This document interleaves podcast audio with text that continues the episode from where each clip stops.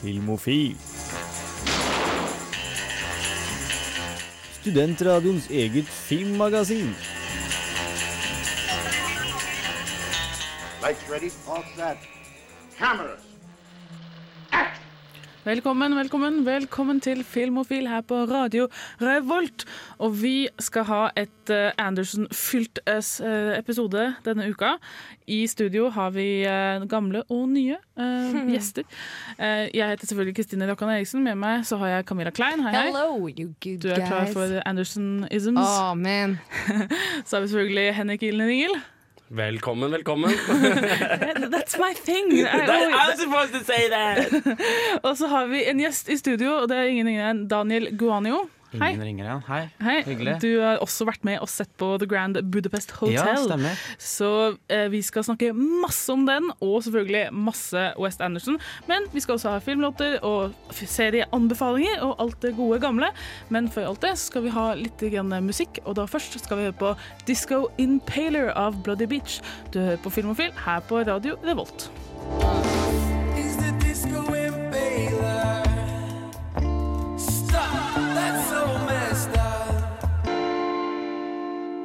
Disco Impaler og Bloody Beach her på Filmofil. Vi skal ha filmnyheter. Filmofil gir deg nyhender fra filmen og fjernsynets i spanende vær. Førstemann ute i dag er Camilla, og du har en eh, Det er jo ikke noe banebrytende på noen Nei. som helst måte. Eh, fans har sikkert på en måte antatt at noe som kommer til å skje, for det gjør alltid med suksessserier. Uh, og det er rett og slett at det er snakk om at uh, Game of Thrones skal, skal komme i filmformat. ah, Eller i hvert fall noen av sesongene skal bli erstatta med film. da ja, type Six Seasons and a Movie. Ja, typ det. Det er drømmen, liksom. Men eh, Hva men- syns vi om det? Nei, altså, det er Ja, altså, det, er, det er noe med det at uh, det er, dette er faktisk en serie som er basert på bøkene. Løst basert jo lenger vi kommer ut i seriene. En eventuell bok vil jo da ikke være basert En, en eventuell film vil da ikke være basert på bøker Jo, jo, jo. Du vil jo det, da. Ja, Basert på samme måte som at vi leste bøker og fikk lyst til å lage denne adoption. filmen. Nei, ok, det som er det at uh, forfatteren Nå kommer jeg ikke på navnet i farta. George eh, R.R. Martin. Thank you. Uh, Martin. Uh, han eh, driver jo og skriver disse bøkene fremdeles. Det er jo ikke sånn at det er slutt ennå. Så det er jo snakk om at noen av sesongene skal komme som en erstatning, liksom. Eh, men det, det Jeg vet ikke, altså Dem som leser bøkene og er superduper-fans, liksom, dem, dem er jo liksom bare fortsett å skrive bøker, du, og så får vi ta det når det kommer, liksom. Bare konsentrer dem én ting om gangen. Sånn at vi kan få scriptsa, og så kan vi få serien. ja, for Men er, det, er det han som skal skrive denne filmen? Altså det, er jo han, det blir jo på en måte Han fortsetter å skrive bøkene på vanlig måte, men at noen av bøkene blir filmatisert istedenfor at det blir et serie. riktig, liksom. sånn, ja. Altså, sånn som det har blitt gjort til nå, er jo det at eh, de har hatt egne screenwriters for serien som har eh, har blitt overvåket av George. R. Martin, så han har ikke hatt eh, administrerende rettigheter, men han har fått lov til å gi inputs. Så det er jo andre folk som har skrevet det, serien. må jo, altså det blir sånn som J.K. Rowling. Hun må si noen ting som du må ha Ja, med, fordi det blir Ja, viktig Ja, senere. ja, ja. Ja, men eh, jeg, jeg vil holde av judgment, jeg. Ja, altså det, det er åpent for alt. Film har vært fett, men altså bare om de får det til i samme stil, samme kvalitet og er like utfyllende, og at det ikke blir liksom veldig kompromert da, bare for at det kommer i filmformat. Enig. Ja, og Daniel, du som er gjest, du har også tatt med deg en gjestenyhet. Har med meg en liten nyhet her, ja. Ja. Eh, skrevet om i dag på, på Dagbladet. En, en zombieserie. Det finnes jo ganske mange zombieserier fra før av, men Gjør dette det her er Det gjør det, altså. Ja, er det? Eh, en ganske spesiell zombieserie, da. Den er, eh, det er en fransk eh, dramaserie, det, det beskrives som. Eh, Le. Revenants er vel originaltittelen. 'Gjengangerne', veldig ibsensk på norsk. Veldig Ibsensk. Veldig, veldig, veldig ibsensk. Um, Kanskje noen gamle kjerringer misforstår. det kan godt hende. Er Having the shock of their Spesielt lives. som det går på NRK, var det det han skulle gå på? På NRK2 skal den eh, gå. Det er vel i kveld den har premiere. Eh, så det, det blir jo sagt at den er ganske mye, har hentet ganske mye inspirasjon fra Twin Peaks. da Oi, Og det er jo superinteressant. absolutt. Jeg tror ikke at det blir like surreal da, som eh, Twin Peaks. Det, det Det er fransk, det det, er de, det, altså. virker at, det virker som om det skal være altså det, det står her, da, er jo rett og slett at uh, at de gjenoppfinner zombiesjangeren på utsøkt vis. Og det, er liksom, det høres ikke ut som Twin Peaks i den forstand om at det ikke Det er ikke sånn på crazy vis, liksom. Det Jeg tror det er liksom veldig mange av omgivelsene i serien eh, minner om Ja. de Twin Peaks. Da, Denne fossen, og så har de en sånn eh, et, et, en bar eller et hus ved, ved en innsjø da, hvor liksom alle karakterene møtes og liksom har sitt eh, utspring. Det er fett. Så, så det Jeg tror jeg skal absolutt få med den på NRK2. Mhm. Eh, Jeg har en sånn liten kjapp nyhet eh, til slutt, og det er eh, en nyhet angående den nye live action Havfru-filmen som har blitt planlagt i, ja, litt lengre tid. Har fått, den har fått en ny regissør. Det var jo Joe Wright, men nå har vi fått beskjed om at, eh, at eh, Sofia Ford Coppola skal være regissør istedenfor. Jeg tror det blir kjempespennende. Du tror det? Ja, men jeg er veldig glad i henne. Jeg syns hun har gjort det ekstremt bra som regissør. Jeg liker filmene hennes. De er litt sånn far-fetched, men fremdeles fet. Eh, Så jeg liker det. Ja. Men du, du virka ikke Ja, så jeg er litt skeptisk. Altså, jeg- altså, jeg, altså, hennes filmer er alltid litt sånn ja, jo, greier for meg. Men La oss, la oss forfiske minnet her. Hva er det Sofia Ford Coppola har laget igjen av filmer som vi syns var OK, eventuelt bra? Altså, Lost in fucking translation. Det Som jeg syns var en liksom- bra film. jeg liker ikke den. Jeg er veldig glad i Ja, den. jeg likte, likte den også. Nei, altså Smaken er som baken. Delt i to.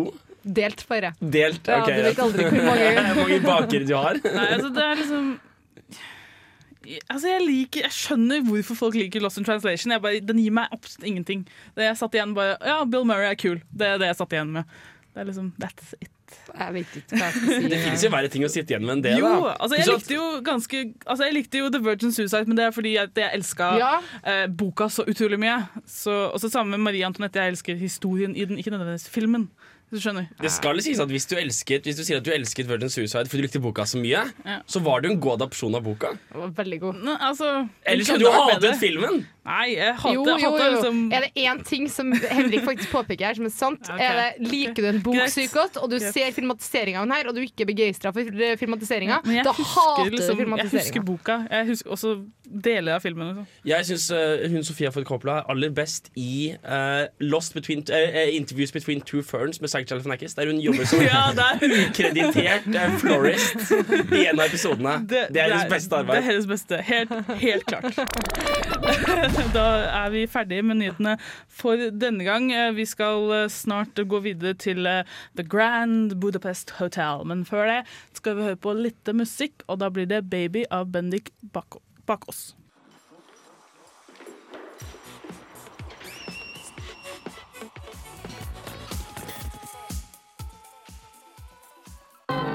Ladies and gentlemen, your producer. Greetings from Horten.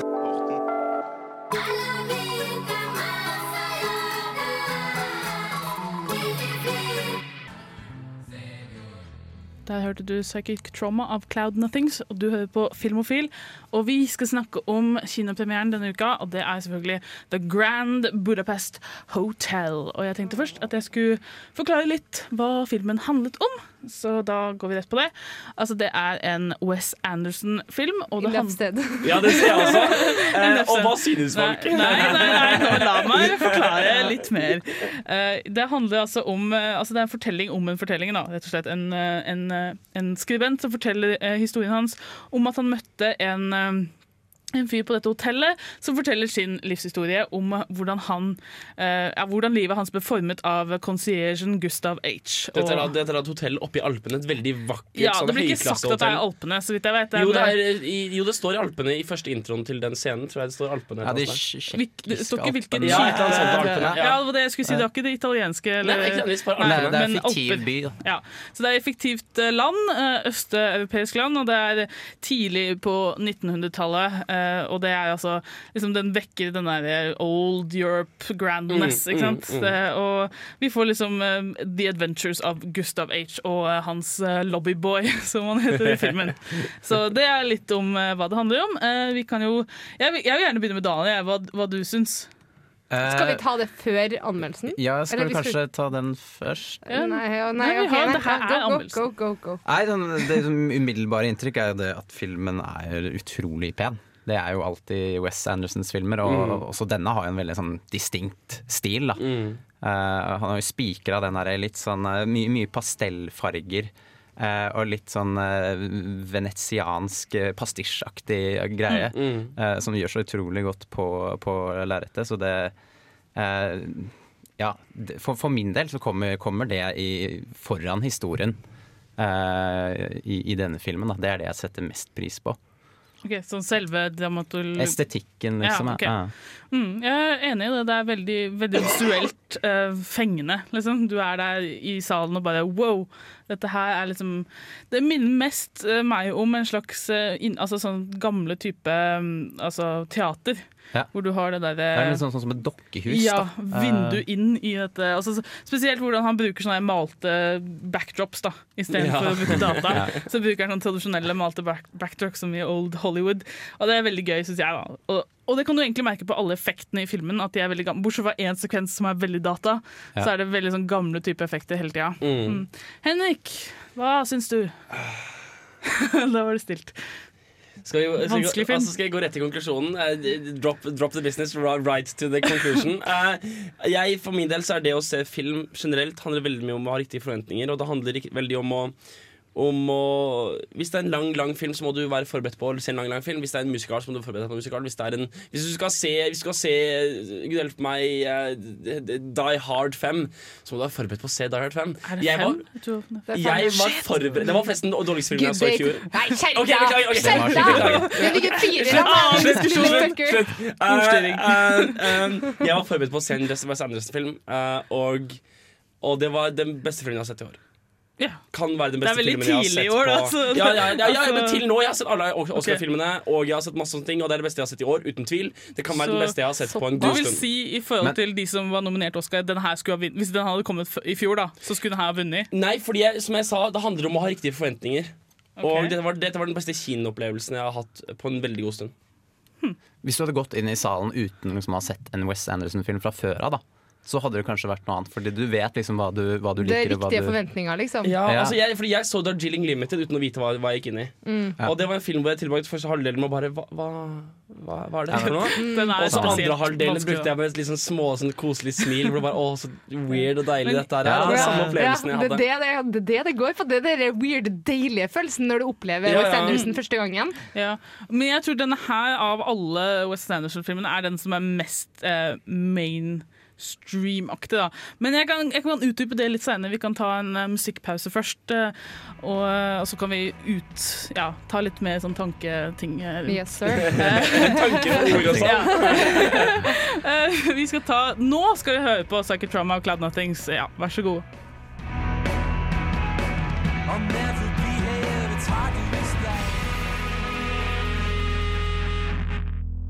Velkommen tilbake til Filmofil på Radio Revolt. Eh, Vi snakker om The Grand Budapest Hotel, og det er selvfølgelig en film som, som krever litt snakk, da, for å si det sånn, og krever mange tanker som surrer i hodet. Og eh, nå har jeg selvfølgelig mista helt tråden i hvor vi var i stad. Vi var faktisk kommet til hvor, hva du syns om filmen, Å ja, Kristine. stemmer det. Herregud. Jo, eh, jeg elsket den. Jeg syns det var kjempegøy. Og jeg var egentlig veldig overraska over hvor investert jeg ble i selve plottet. Fordi vanligvis når jeg ser West Anderson-filmen, så, så går liksom bare plottet sakte liksom, Ja, ja. along. Og så er det liksom en sånn greie som tilfeldigvis skjer, da, mens vi ser på en West Anderson-film. Men nå er det sånn Altså, plottet er egentlig ganske innvikla og litt sånn Altså, en, det er jo en um, det er jo på en måte en slags eh, sånn tradisjonell uh, Hero. Ikke, ja, kanskje litt hero, litt detektiv, litt sånn murder mystery. Litt sånn tradisjonelle elementer. Du har liksom den døde, Mm. gamle kjerringa med Ja, ja, liksom, herit, altså, sånn svær inheritance og sånne ting. Og du føler liksom en gang Er jeg, er jeg plutselig en Cluedo-episode? Hva, hva skjer? Altså, men, men og så blir du bare veldig glad i disse karakterene. Da. Jeg var overraska over, over hvor glad jeg ble i han lobbyboyen. da. Det fascinerende med at det skal liksom skal være en murder mystery, er jo at ingen på noe tidspunkt egentlig bryr seg om hvem du som drepte dama. Nei, nei, det, er ingen som, det er ingen som noensinne spør om det. Men det er ikke det som er poenget med, med den her. Da. Så, men jeg likte den veldig. Jeg synes at Du nevnte i stad at eh, det er kanskje den som er mest mainstream i Ja. forhold til at den er enklest å like. Mm. Eh, og det, nå har jo, eh, nå har jo Wes Anderson brukt veldig s- hjernespekka cast i tidligere filmer, men det er jo helt eksepsjonelt i denne filmen. Mm. Ja. Det må nevnes, liksom. Ja, og du har liksom for eksempel Owen Wilson dukker opp for én scene. Ja, ja. Det, er Bare så, så store stjerner som er med. Som det virker nesten som cameos. Bare Ja. fordi de er så kjente Ja, og det er så kort. Ja, det var nettopp det jeg skulle kommentere. Det er, liksom, det er veldig mange kjente skuespillere som er med, og man, man gleder seg til å se disse Ja. her. Man bare venter på at Ja. nå skal Bill Murray dukke opp, liksom. Eh, men de er jo Det er mange av dem som ikke er spesielt viktige for historien. da. Ikke. det Men bare det at de er der, det Men gjør noe med Ja, si de alle, de alle passer utrolig bra til rollene sine. Og det er sånn at Du ville aldri trodd at Harvey Caltale ville passa som en flintskala flintskalla fengsels... uh, altså inmate. Men når du ser han, så er det bare sånn Ja, ingen andre kunne gjort akkurat det! Og det, og, det, og, det er, og det er den der det- Jeg vet ikke om du har merket det, Daniel, men jeg satt flere ganger og klappet i hendene som en liten sånn jente. Bare, «Ah, Dritfett! Det er fordi Det er den der fangirl, altså faen. For det er så Det er noe med den Wes Anderson-greia hvor, hvor han liksom bare drøsser sånne geniale castinger bare litt her og litt der. Ikke sant? Det er én en, dem ut. det en montasje med forskjellige konsierger rundt om i verden, og der får du Sikkert sånn 30 Oscarer på, på, på, på 30 sekunder. Det er helt sykt. Jeg tror at eh, det er også det, altså, I forhold til at du mener at det er en av jeg, har, jeg er jo den eneste her i studiet som ikke har sett den, det må sies. Ja, jeg, Camilla. Klein, har helt tydelig lyst til å se den her, og jeg skrev til de andre, men de var Nei, vi skal allerede stikke Det og var se den. kvelden før. Vi hadde planlagt i en uke. det. Det var jeg, nå, ja, vi snus, vi snus, snooze, snus, ja. Men i hvert fall, da. eh, jeg tror at det her er Nå har jo ikke jeg sett den, som sagt, men jeg tror, sånn som i hvert fall ut fra hva dere sier, sånn, at det her blir det som får til Wes Anderson til å gå fra liksom den herre briljante indie-småfilmregissøren til at han faktisk får åpna opp øynene til liksom de store og liksom blir ordentlig ordentlig lagt merke til og satt pris på. Jo, det er jo fortsatt det. Det er jo fortsatt en liten Ja. weird liten film. Ja, jeg vet det er men, men, men, men, det er, men det er det, det er en storfilm på det- den formen. Ja. Akkurat, og i den forstand av at han har vært en sånn fyr å følge med veldig lenge. Så er det her liksom Og fordi han har med det castet som han har, så kan de ikke ignorere han, liksom. Ja, ja. Ja, men jeg tror, at, altså, jeg tror han er veldig elsket av skuespillere. Da. Jeg tror ingen sier nei. Altså, selv liksom, for mange år siden, når han ikke var så kjent som han er nå, Mm. så var det jo Du ser jo fremdeles de, altså, de hvor store skuespillerne er. ja, ja. Og jeg tror han har den greia at han skaper dette Altså Han skaper en sånn utrolig gøyal måte å Et jobbe på. rom, Da. ja, ikke sant. Det er jo alle, du ser det liksom i, for eksempel, De i, koser i de tidligere filmene for eksempel, at de har det bare kjempegøy. Ja, ja, de har det dritfett. Og det tror jeg liksom går over i, på skjermen. Da. Skal vi ta en rask runde med, med, med terningkast, Ja, oss det må vi gjøre, selvfølgelig. Nei. Eh, Daniel, du kan jo begynne med en uh, kort oppsummering og en terningkast. Et ternekast på filmen, ja. ja. Du er ikke vant til det, Eh, du? Nei, det er jeg ikke vant til. Altså. Eh, nei, det, er- det er jo litt vanskelig. Altså, jeg vet ikke, mellom, mellom fem og seks. Ja. Men hvis man, måte, hvis man er, er veldig glad ja, hvis man er presset, eller liksom, hvis man er veldig glad i West Anderson fra før av, så vil det nok være en seks. For jeg, jeg syns det er den beste Ja, Anderson-filmen hittil. da Jeg eh, kunne ikke sagt det bedre. Ok, Du er helt enig? Ja. det er jeg òg, da. Så da er det jo Men dere, eh, hva Det er tre seksere, Men, jo, faktisk. jo, jo, jo, jo, jo, jo, seriøst? Ender vi med tre seksere? Ja, jeg tror det. faktisk. Awesome. Mental high five fra alle her. Jeg gleder meg helt sykt, og det bør dere ut der gjøre. Kom dere på kino. Vi skal, eh, vi skal snakke enda mer om S. Anderson-filmene. Enda senere i, eh, i sendinga. Men uh, før det skal vi høre på litt mer musikk, og da skal vi høre på Raw av Flyboy. Og du hører selvfølgelig fortsatt på Filmofil her på Radio Revolt.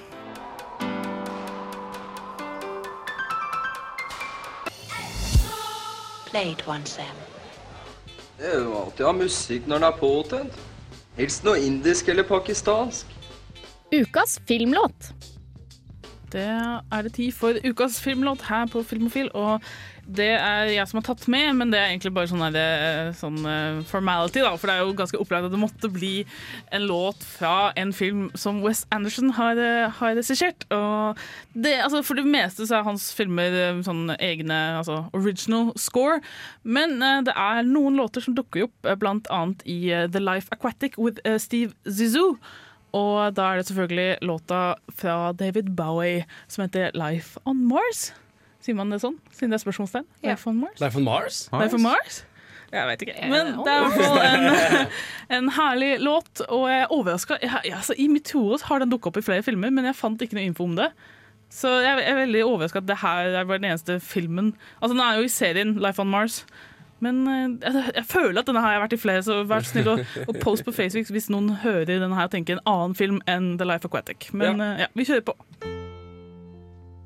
A god awful small affair to the girl with the mousy hair.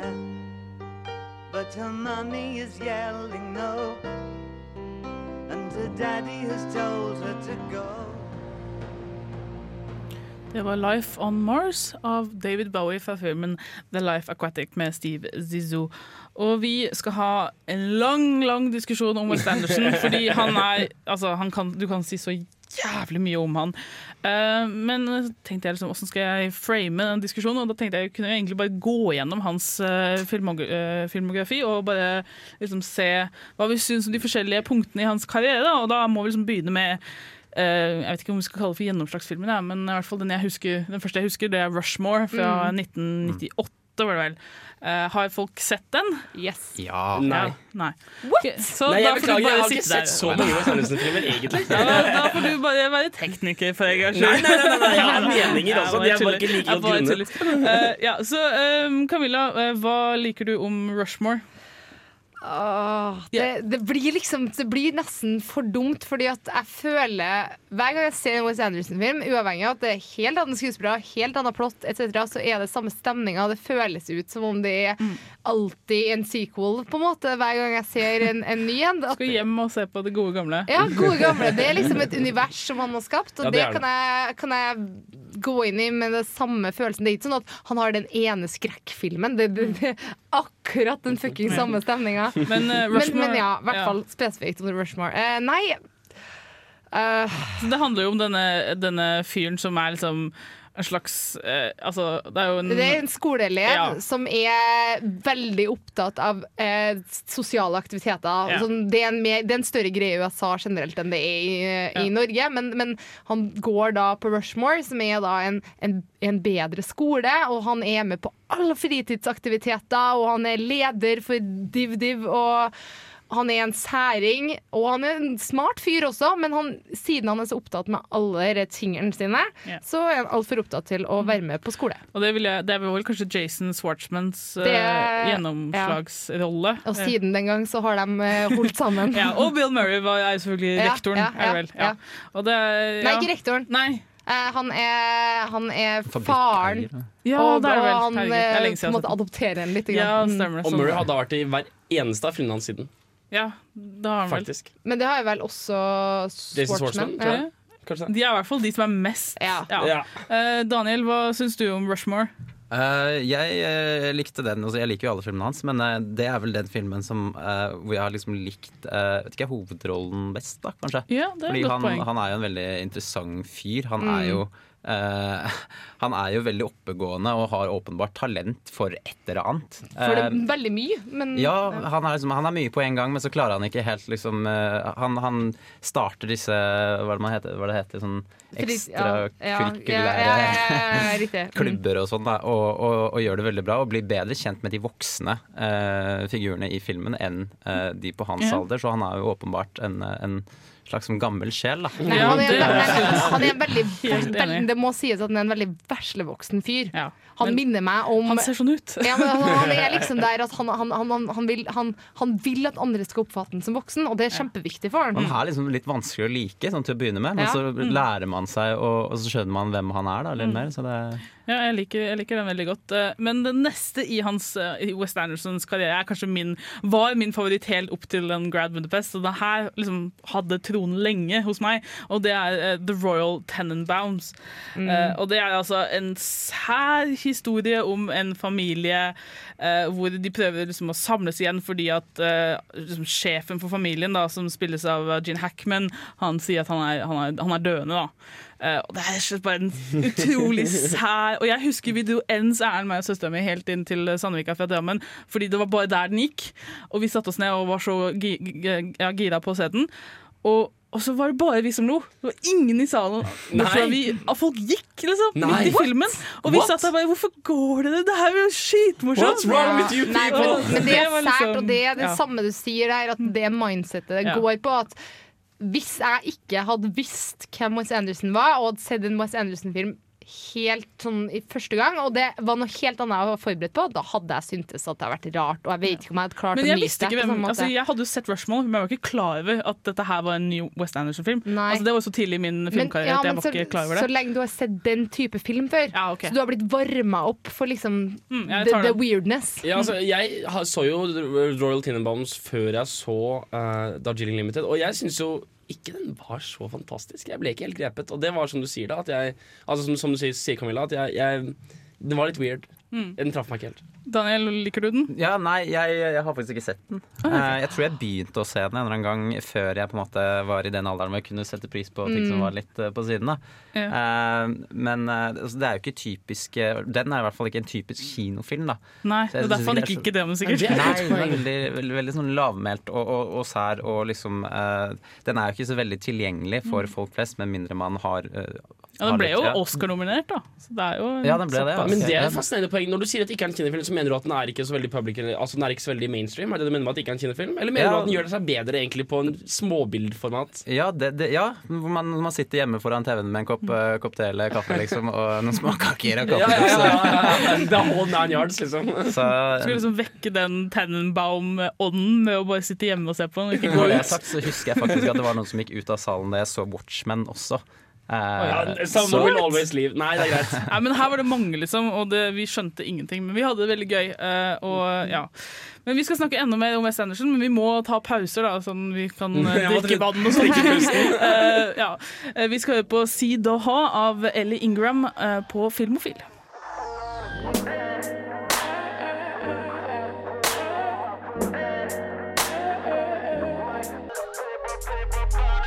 See Doha av Ellie Ingram der. Du er på Filmofil og på vår lange Wes Anderson-diskurs. Og vi er selvfølgelig ikke ferdig. Den er jo ikke så lang. Den er en tiendedel av hva den burde Ja, vært, i hvert fall. Ja, altså, vi kunne fylle sikkert hele semesteret hvis vi ville.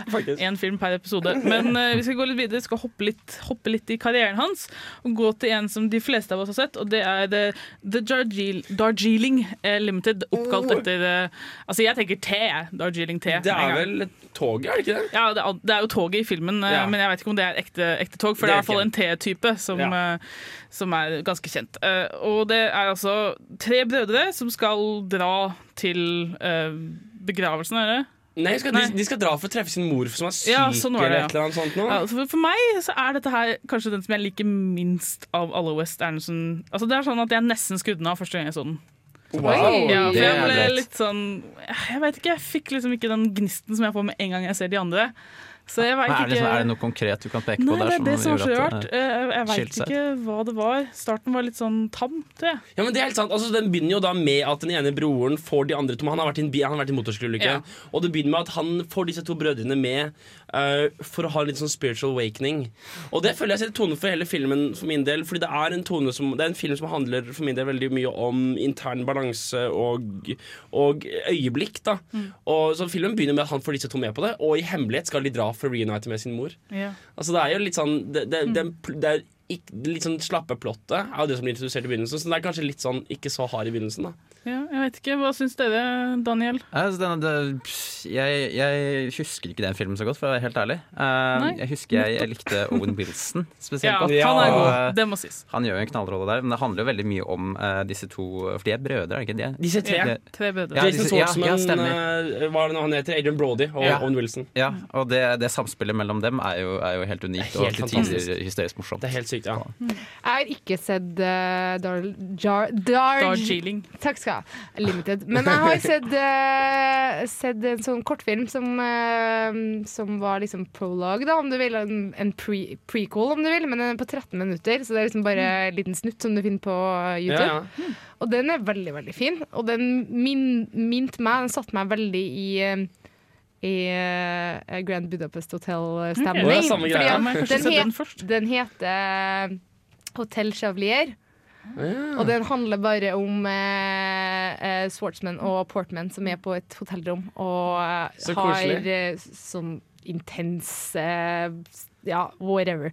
Uh, nei, men altså, det, det blir sex, men det er liksom bare Kan ikke ha så sykt mye lang eh, sexscene i 13 minutter. Nei, Men, jeg, skal, jeg skal slå opp den Eh, helt til slutt kjapt. Sånn her, vi må bare si Moonrise Kingdom er awesome. Awesome! Alle, alle som har sett den, er enig i at den er awesome, ikke Ja, sant? den- Ja, den er, den er, den er interessant, og den er, den er morsom. Den er, litt for, den er for treg for meg. Men jeg tror igjen Ja, er vi treg å tilbake komme i gang, ja. Jeg tror vi er tilbake på det med at grunnen til at jeg elsker Budapest Hotel så hardt, er at når jeg så Moonrise Kingdom, så var jeg litt feil forberedt. Jeg var i litt feil humør, Mm. Ja, okay. litt stemning inni meg. Da er du tilgitt, men den er Må, veldig bra. jeg må bare si meg enig med Henrik her. Altså, den, eh, jeg, også, den var veldig treg. Den Og var veldig treg. Ja, men den, den skal Det- være, den- for det er en Endless Summer movie, ikke Ja, sant? og så er det, det, det er kids i hovedrollen. Det, blir, det er hovedrollene. Det blir liksom noe annet. Ja, for Det er et godt poeng, for Darjeeling Limited ble så båret av kvaliteten på de tre, tre, tre mannlige skuespillerne der. Og for så vidt moren også. Som Jeg syns jeg kidsa spiller dritbra. Ja, jeg, jeg elsker Minor Kingen fordi den har den der følelsen av at, at du kan være barn liksom, for evig i denne mm. fantasiverdenen og retrace eh, steps. Men det, Ja, det må sies at det er tydeligvis et sånn sjangertrekk for Wes Anderson. Det der med at kidsa er veslevoksen. For det har- er de i absolutt er alle er filmer. Ja, men vi må også ta en pause igjen, for jeg begynner å bli tørr i munnen. holdt på å si, Eh. Men altså, vi skal snakke mer etterpå. Uh, nei, uh, men uh, først Nå må jeg passe på at jeg holder styr på alle filmene og sånne ting. Eh, vi skal høre på TV Suicide av Wet Blankets.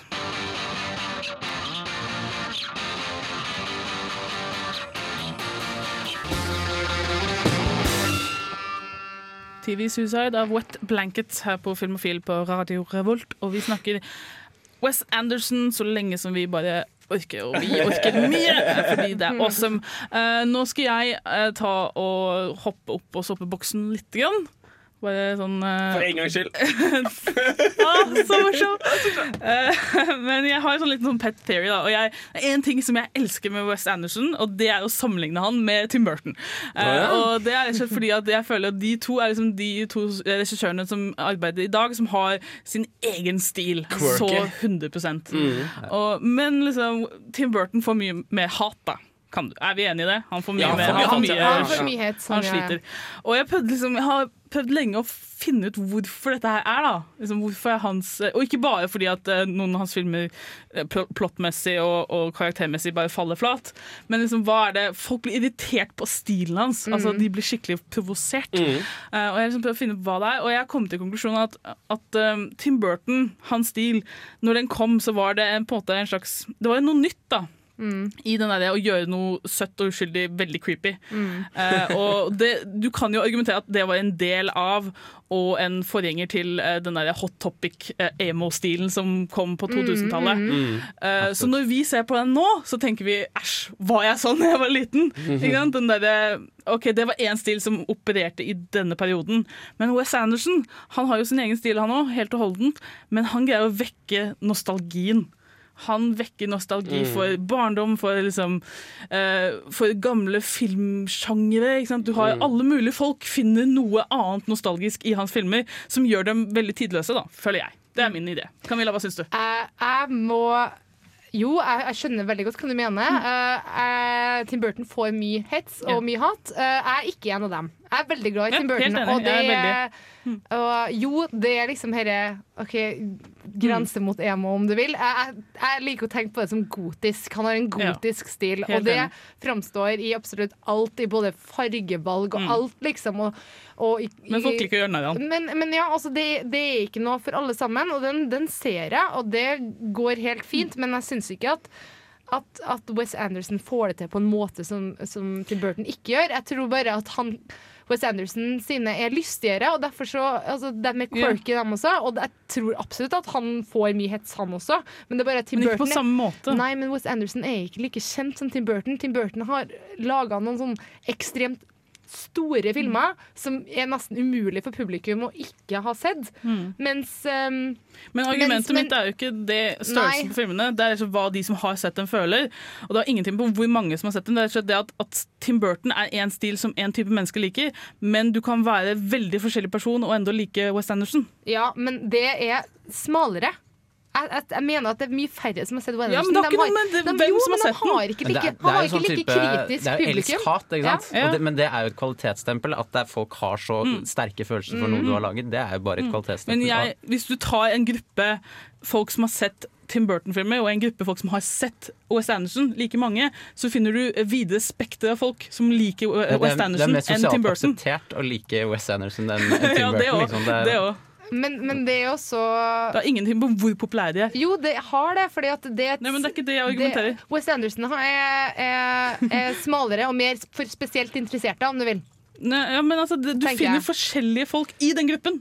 Det er det jeg prøver å argumentere. Jeg tror også at man er, man er For å virkelig elske Tim Burton, da, for å være en fan av Tim Burton, så er man nødt til å ha et, eh, et forhold til ham fra før av. Altså Ja. fra, fra Det er et godt poeng. Ja, altså, det er jo selvfølgelig mange andre. Det var her bare ett aspekt som jeg ville påpeke. Ja. Det vil ikke si at eh, det er ikke hundre andre Nei, grunner du til å like begge du deler. har, du har veldig Eh, rett. Det var bare en, en, en sånn liten sånn Å, kanskje det har litt med saken å gjøre. Eh, vi skal gå videre. Vi skal ha andre ting i, i episoden vår òg. Vi skal selvfølgelig ha videonytt og alt sånt der. Eh, og vi skal ha serieanbefalinger, og ja Vi kan ikke se alle West Anderson på lufta. Eh, Men eh, vi skal ha musikk også, og da aller først ute så skal vi ha 'Making Me' av eh, Woodland. Og du hører fortsatt på Filmofil her på Radio Revolt.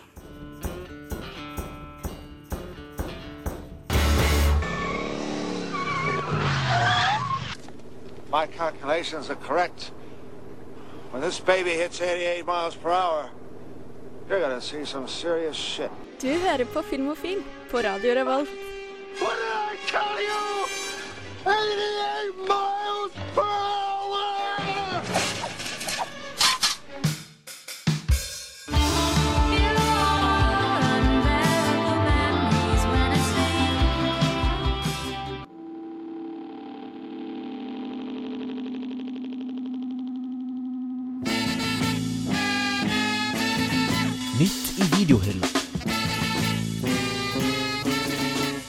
Rykende ferske digitalfilmer som du kan ha i din heim.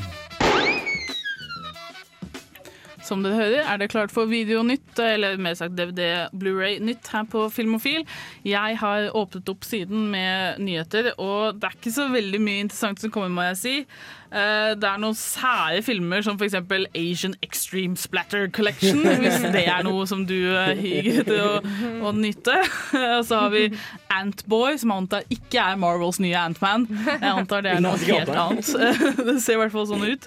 Eh, Og så har vi ja, mye sånn barneting. Og så har vi eh, Machete Kills, som er vel oppfølgeren til Machete. Du, har du sett en av dem, eller begge? Jeg har sett Machete Kills. Ja. Ja, jeg, måtte, jeg ble litt usikker på om jeg har sett den eller ikke, men så måtte søke den opp. Og så, sa jo, jeg har sett den. Den var ganske fet. OK, den var ganske fet. Danny Trejo in Machete. jeg kosa meg, jeg kosa meg maks, som jeg alltid pleier å gjøre under sånne type sekvenser. Jeg husker Det største øyeblikket i den første Machete-filmen var vel da jeg tror det var Steven Seagal uh, som, som gøtta uh, Lindsay Lohan.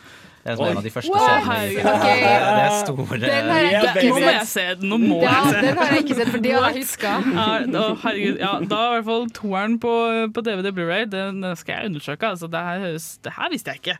Hva, hvorfor har ikke folk sagt det, det til meg før? Eh, og så kommer The Grand Master, som jeg tror eh, fikk en ganske god eh, reception eh, blant de fleste jeg har snakket med. Ja, den gjorde Men, det definitivt. Ingen som har sett den. Det er litt dumt, så den kanskje vi må ut på, ut på byen og få tak i. Eh, så kommer det noe som heter The Hangover Nei, unnskyld. The Hungover Games. Som jeg så og tenkte Lover godt. Fuck. Hvorfor, hvorfor, gjør, hvorfor gjør de det her ennå? Er Another vi ikke scary ferdig? movie, another teen movie, Ja, altså, hero hangover movie, games. epic, Ja. movie, date movie. Altså uh, the, the, Meet the Spartans. Det er, Det er så mange. Altså det som er, det er at det er et uh, Det er et publikum for det, liksom. Og Jeg vet, jeg har bare flere venninner som, som ler seg for deg av dem. Men jeg gjør ikke det. Jeg, jeg forstår det ikke. Nei, altså jo, noen altså, Det er sånn øh, Du har sett den det var, og det, du skjønner greia, og du syns at enkelte sketsjer er artig, men det, det gir deg ingenting. Men for liksom. eksempel i eh, jeg, så, jeg tror jeg så enten superhero movie eller epic movie, jeg husker ikke forskjellen på dem. Men så var liksom joken var at, at Spiderman skal løpe til skolen, og så driver han og tryner og detter og sånne ting. Men det er jo det Spiderman gjør i filmen! Hvorfor er det morsomt? Eller for eksempel at Wolverine stikker opp bare den, e- den midte ytterste liksom, kniven i hånda hans for, som om han stikker opp fingeren. Det gjør det det gjør filmen, det, altså!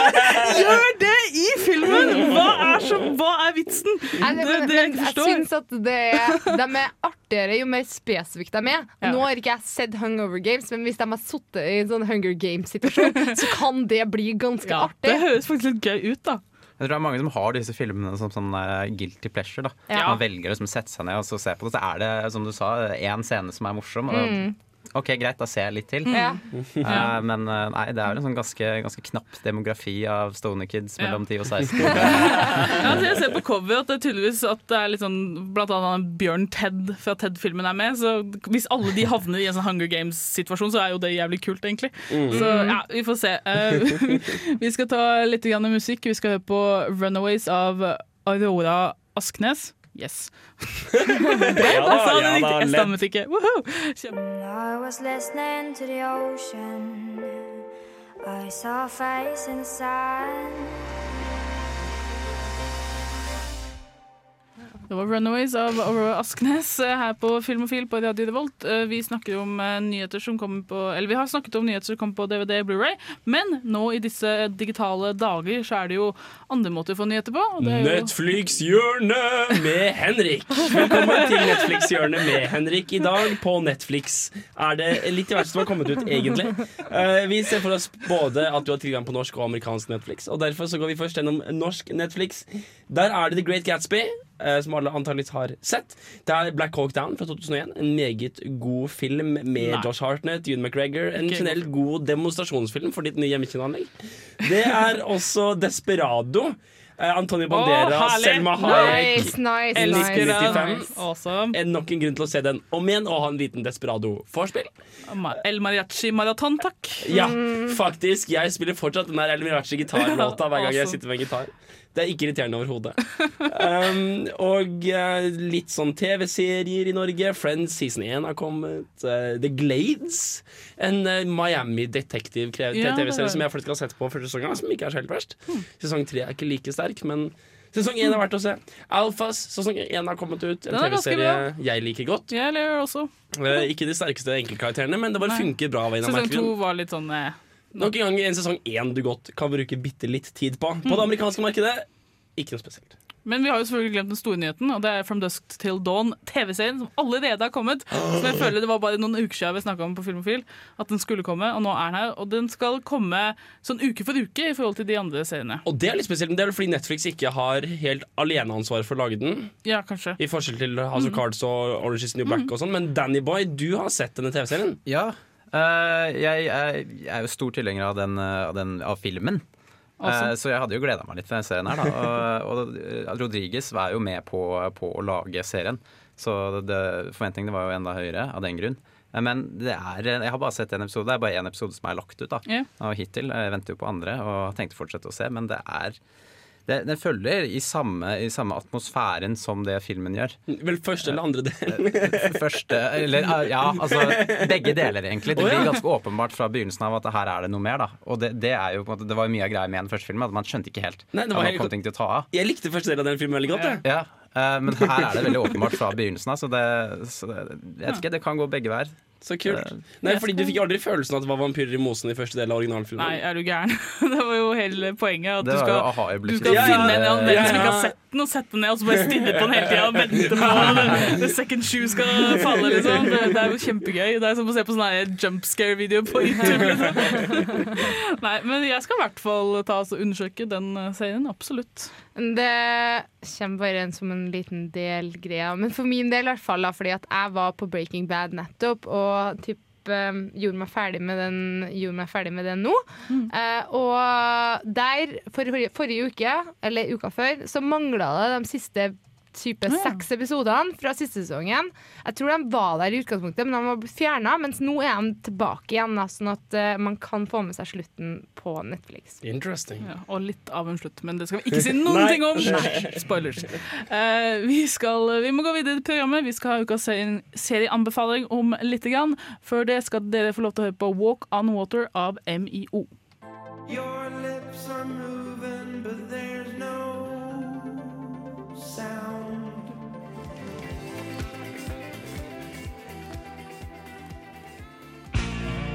Hei!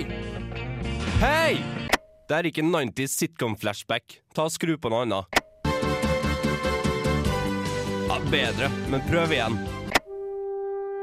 Der, ja! Filmofil presenterer ukas serie. Og alle skjønner vel hva det her er! Nei, la meg bare nyte musikken for ett sekund. Det er så vakkert. Jeg tenker litt sånn Star Trek Voyager eller noe sånt nå, jeg, med en gang. Men det er ikke det. Beyond the horizon. Så nydelig. Nei, det handler om noe helt annet. Nei, ikke helt annet. Det handler om sci-fi. det. Det er det. Nei, det handler om noe helt annet enn sci-fi, for det handler om sci... Bare sci... sci science. Psydoc. Psydoc. Det her er åpningsmusikken til eh, den nye Cosmos A Spacetime Odyssey, som akkurat har begynt å gå eh, på amerikansk TV og på Hulu. Så hvis du kan eh, fikse liten VPN, så er det helt greit å se begge de to første episodene med litt, litt grann reklame, men det går helt fint. Og det her Åh, jeg måtte Jeg har lyst til å Altså, jeg så én episode og sa den her skal på Filmofil! Den skal anmeldes med én eneste gang. Look at that great black distance. Ja, Can you imagine that, that little Du kunne blue ha vært dot? altså, Neil deGrasse Tyson's got nothing on you, Henrik.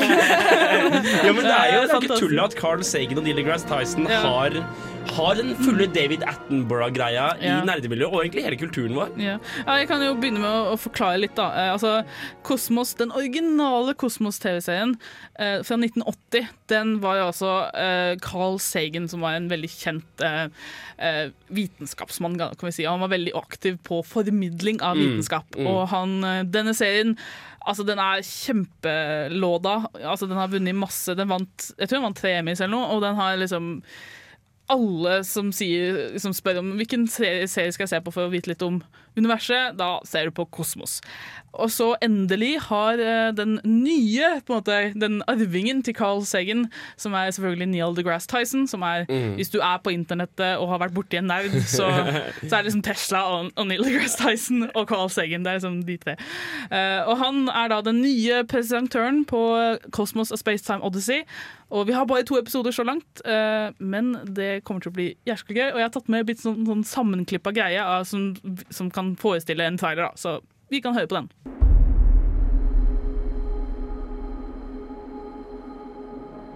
The cosmos is all that is, or ever was, or ever will be. Our contemplations of the cosmos stir us. We know we are approaching the grandest of mysteries. It's time to get going again. We were able to make it exciting and feel like a cinematic experience for 2014 while still keeping something that is very, very clearly Cosmos. We are a way for the cosmos to know itself. The original Cosmos series was made over 30 years ago. Carl Sagan, great astronomer, was our host narrator. In the new Cosmos, Neil deGrasse Tyson will take us on another journey across the visible universe. This is the cosmos, a network of a hundred billion galaxies. And it's the greatest story science has ever told.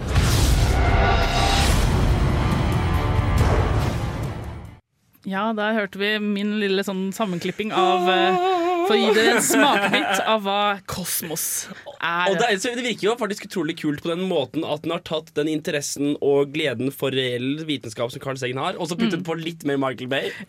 ja, det er litt sånn For effektene, jeg må bare si det med en gang, effektene i denne serien her er, altså det er helt sånn der, wow, shit. Det er, det er fantastisk å se på. Hvis du, har, hvis du får det altså Når det her kommer på DVD i, på Blu-ray, så skal jeg rett hjem og sette det på storskjermen og bare nyte det, for det er, det er så fint å se på. Altså Hvis det er én ting som burde gå på Imax, Ja. så er det de greiene her. Fordi det er, For meg så er det fascinerende, fordi Kosmos er en av de tingene Altså jeg, Nå har ikke jeg sett Spacetime Odyssey-versjonen, men jeg har sett den Personal Voyager som gikk før. Mm. Og Altså For meg så er det så fascinerende Fordi det er så utrolig aksessibelt for alle aldre og alle interessenivåer. Samtidig som jeg, som har hatt en del astrofysikk og er ganske interessert Mm. over lang tid, jeg blir fortsatt grepet, og jeg synes det er dritfett, og jeg lærer litt nytt. Og bare, å, gjør den det? Å, så kult!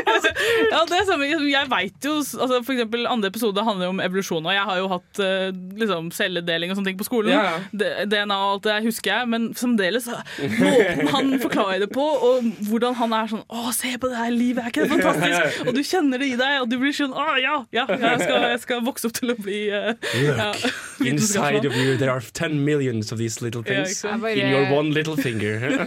får bare helt sykt frysninger av å bare høre på Gud. Nå har jeg ikke sett det her, og jo, det er flott å drive og se på verdensrommet, for all del, liksom.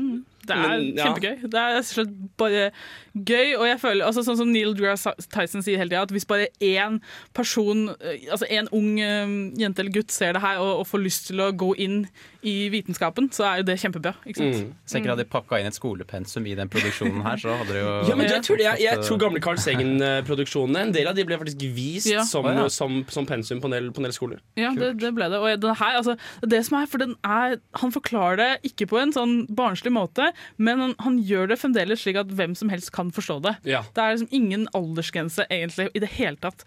Og det, selv om du vet hva liksom, Hvis det er deler du vet, så kan du bare sitte og nyte det visuelle. Ikke sant? Mm. Det er, Og det, og det, og det, og det, det, akkurat det visuelle Det her er en serie som har så godt av nymotens CGI Mm. og utviklingen innen det. Fordi mye av denne vitenskapen her er ikke spesiell ny. Uh, det, det, de, største utvinningene innen både astrofysikk og mikrofysikk og kvant- og sånt er ting som er Det går på så detaljnivå at det er egentlig ikke så veldig Det er vanskelig å, fremvise det for et publikum. Så denne vitenskapen er ikke ny, men det at vi har kommet så langt med å kunne fremvise det og produsere bilder av universer og liksom Ja. Altså, I serien så har, altså, er liksom Måten han uh, fremstiller det på, er at han er på en sånn imagination spaceship, uh, som er dritkult designa. Jeg greier ikke helt å beskrive det. Er sånn, nesten som en slags uh, chrome tåredråpe, skipaktig greie. Skal vi ta en liten, skal ta en liten Douglas Adams-referanse til det, til det Ja, usannsynlige The Heart of, Heart of Gold. Ja, Yes. der, ja. Litt sånn Heart of Gold-aktig. Og han kan da reise hvor som helst i tid og rom, og det gjør han selvfølgelig. Han altså, har han en sånn scene hvor han, han legger ut hele universets tidslinje på, som en kalender, ikke sant? Ja. Så for å illustrere sånn at en måned er en, en eh, milliard år, Ja, ja, ikke sant? ja. Og det, det ser så flott ut! Han går altså Neil deGrasse går oppå det der. for Han, er, han gjør jo ikke det egentlig, men det, det ser så bra ut. Og så Mm. tar han på seg briller, sånne solbriller når det Big Bang skjer. Ja, ja. Han er så badass! og det- And that becomes på med solbrillene One big bang. ja, ikke sant? Og, nei, det er, eh, altså når for eksempel eh, kometen som ødela dinosaurusene treffer, så liksom står han midt i en skau et sted, og så plutselig kommer liksom litt sånn bong, ikke sant? Og, så, og så sp spruter det litt stein på det, og han bare oh, hva var det? Sant? That's it! Og det, men altså, det, det høres jo som det er potensielt litt sånn pinlig. Liksom barnefilmaktig. Nei, nei, det er bare sånn nei, å, Det funker bra, liksom? Det, det funker helt kjempebra. Det er, altså, det her, han can do no wrong. Og seriøst, dra på Hulu, eller eh, jeg tror masse klipp finnes på YouTube, så dere kan undersøke sjøl. Men denne her serien er viktig å få med seg. Så det er bare to episoder, den kommer til å gå videre. Vi kommer til å få vite masse. Men vi må eh, videre i sendingen. Vi skal snakke om andre sci-fi docs, men før det skal vi høre på 'Losing to the Dark' av Lacera her på Filmofil på Radio Revolt.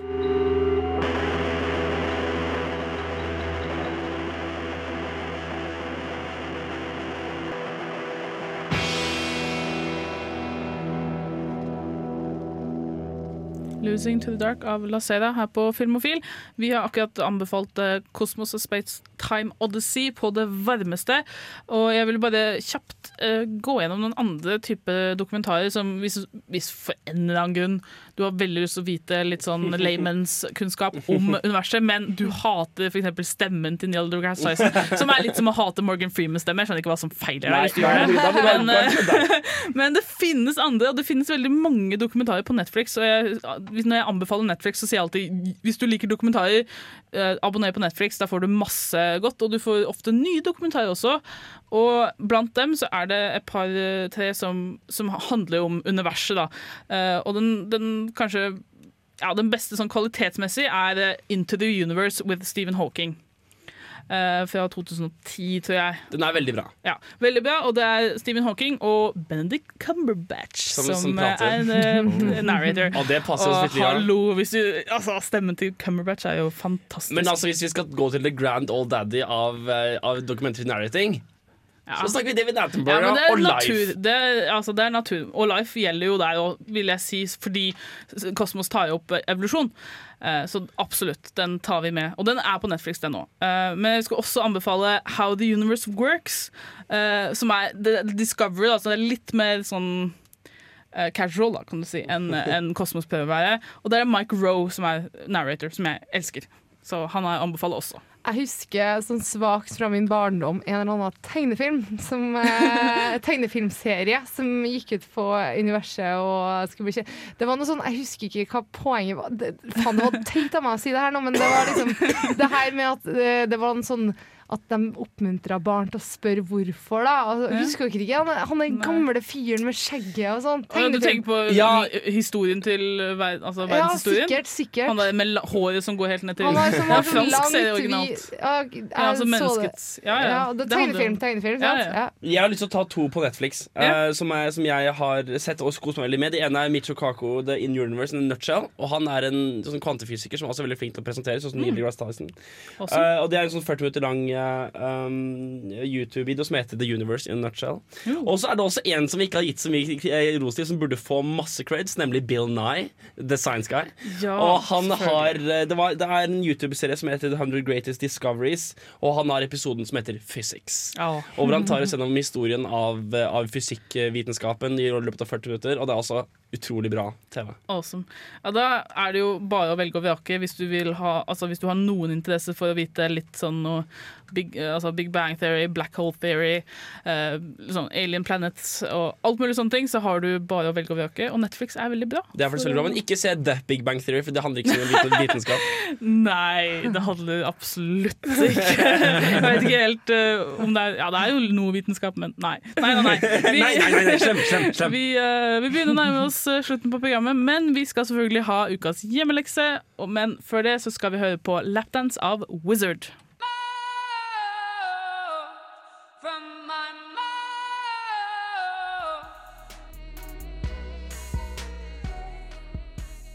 Roads? Where we're going, we don't need roads. Du hører på Filmofil på Radio Revolt.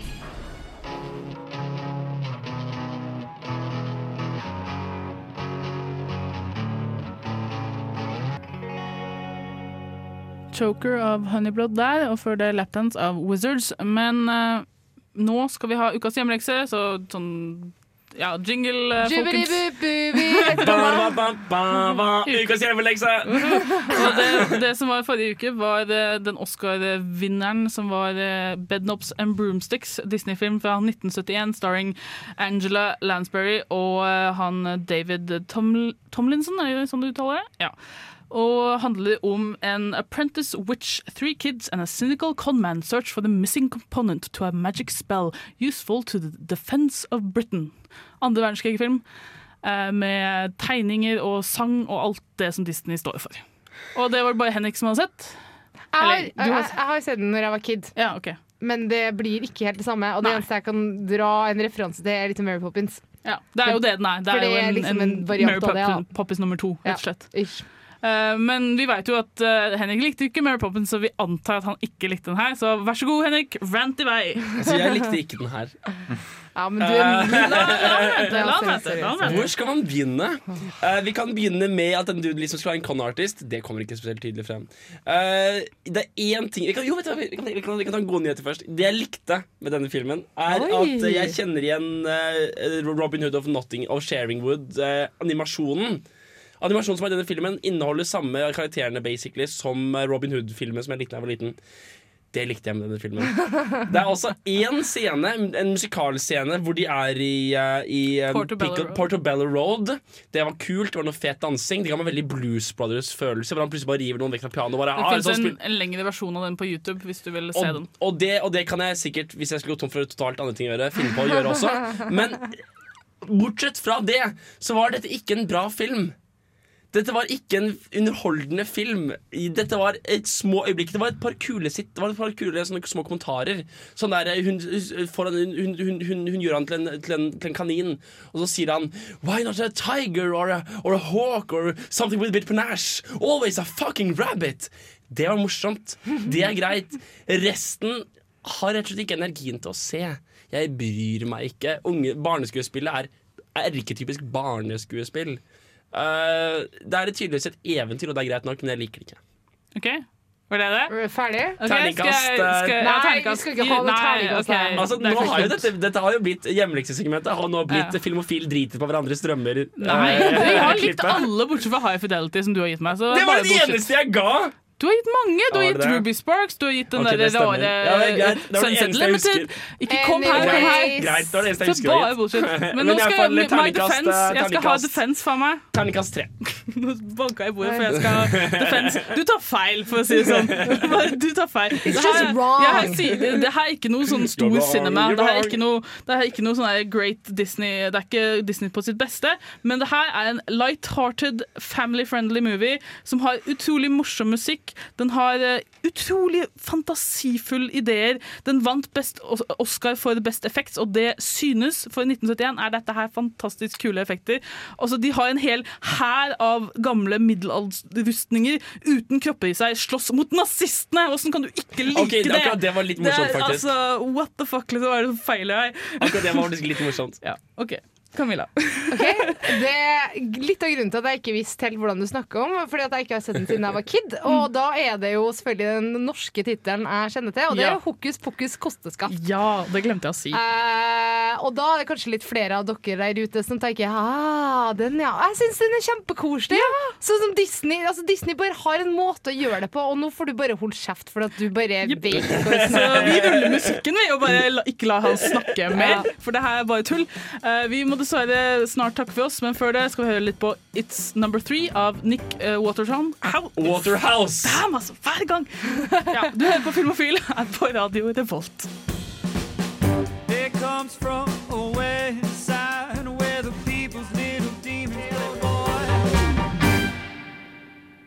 Kommer det ikke noe mer der? Hit Number Three av Nick eh, Waterhouse. Og vi eh, skal kjapt eh, gå over Jeg skal gi neste ukes hjemmelekse. Det blir meg igjen. Hjemlekse. Neste uke så kommer selvfølgelig Captain America Winter Soldier ut. Og da tenkte jeg jeg skulle dra fram en superheltfilm som kanskje ikke alle har sett, men som jeg syns er jævlig morsom og litt sær. Det er en film fra 1999 som heter Mystery Men, starring Ben Stiller, William H. Macy og en Frank, Hank Azaria og masse andre rare folk. Hank Azaria. Og det er rett og slett en gjeng med superhelter som har forskjellige krefter, og de skal kjempe mot eh, kriminalitet.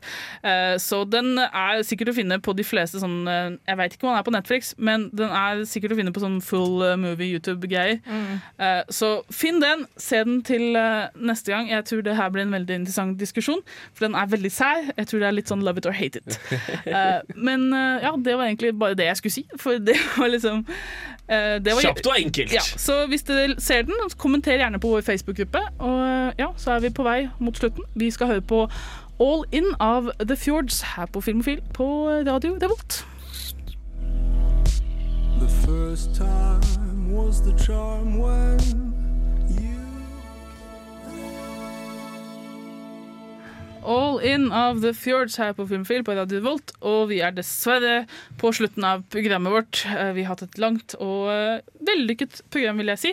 Vi har selvfølgelig snakket om Wes Anderson og hans eh, nye fantastiske film The Grand Budapest Hotel, som meg, Henrik og Daniel alle ga en Sekser. sekser til. Det er helt amazing. Det skjer aldri. Det, aldri det har skjedd. Nå må du komme neste uke, Camilla, og rette på oss og si at vi tar feil. Det er noe jeg skal komme og si Yo, den var ikke så bra, liksom. Det du gjør, er at du, du, du, du, gir det en dårlig firer, og så blir det slåsskamp. Ja, ja. sånn er det. Fisticuffs in the studio. Uh, og så har vi selvfølgelig snakket om alt West Anderson, uh, men vi har også anbefalt uh, den nye Kosmos, A Spacetime Odyssey, Mm. som dere må få med dere for guds skyld. Og vi har gitt neste ukes hjemmelekse, som jeg skal bare minne folk på, det er Mystery Men fra 1999. Og ta gjerne og kommenter hva dere syns eh, på Filmofil, Filmofils Facebook-side, sånn at vi kan kanskje begynne å ta opp deres meninger og snakke Absolutt, om dem. For det tror jeg kanskje blir gøy. Ja. Eh, Så det var egentlig det vi hadde gjort i i løpet av denne episoden. Vi får takke for oss. Eh, Takk til Daniel for at du kom på besøk. Takk til Daniel! Takk for at jeg ble med. Veldig bra eh, radiodebut. Så da takker vi for Jeg heter Kristine Eriksen, og med meg har jeg hatt Camilla Klein og! Henrik Ilninger og Daniel eh, Der. Å, kom igjen! Yes. Takk for oss. Ha det bra. Ciao!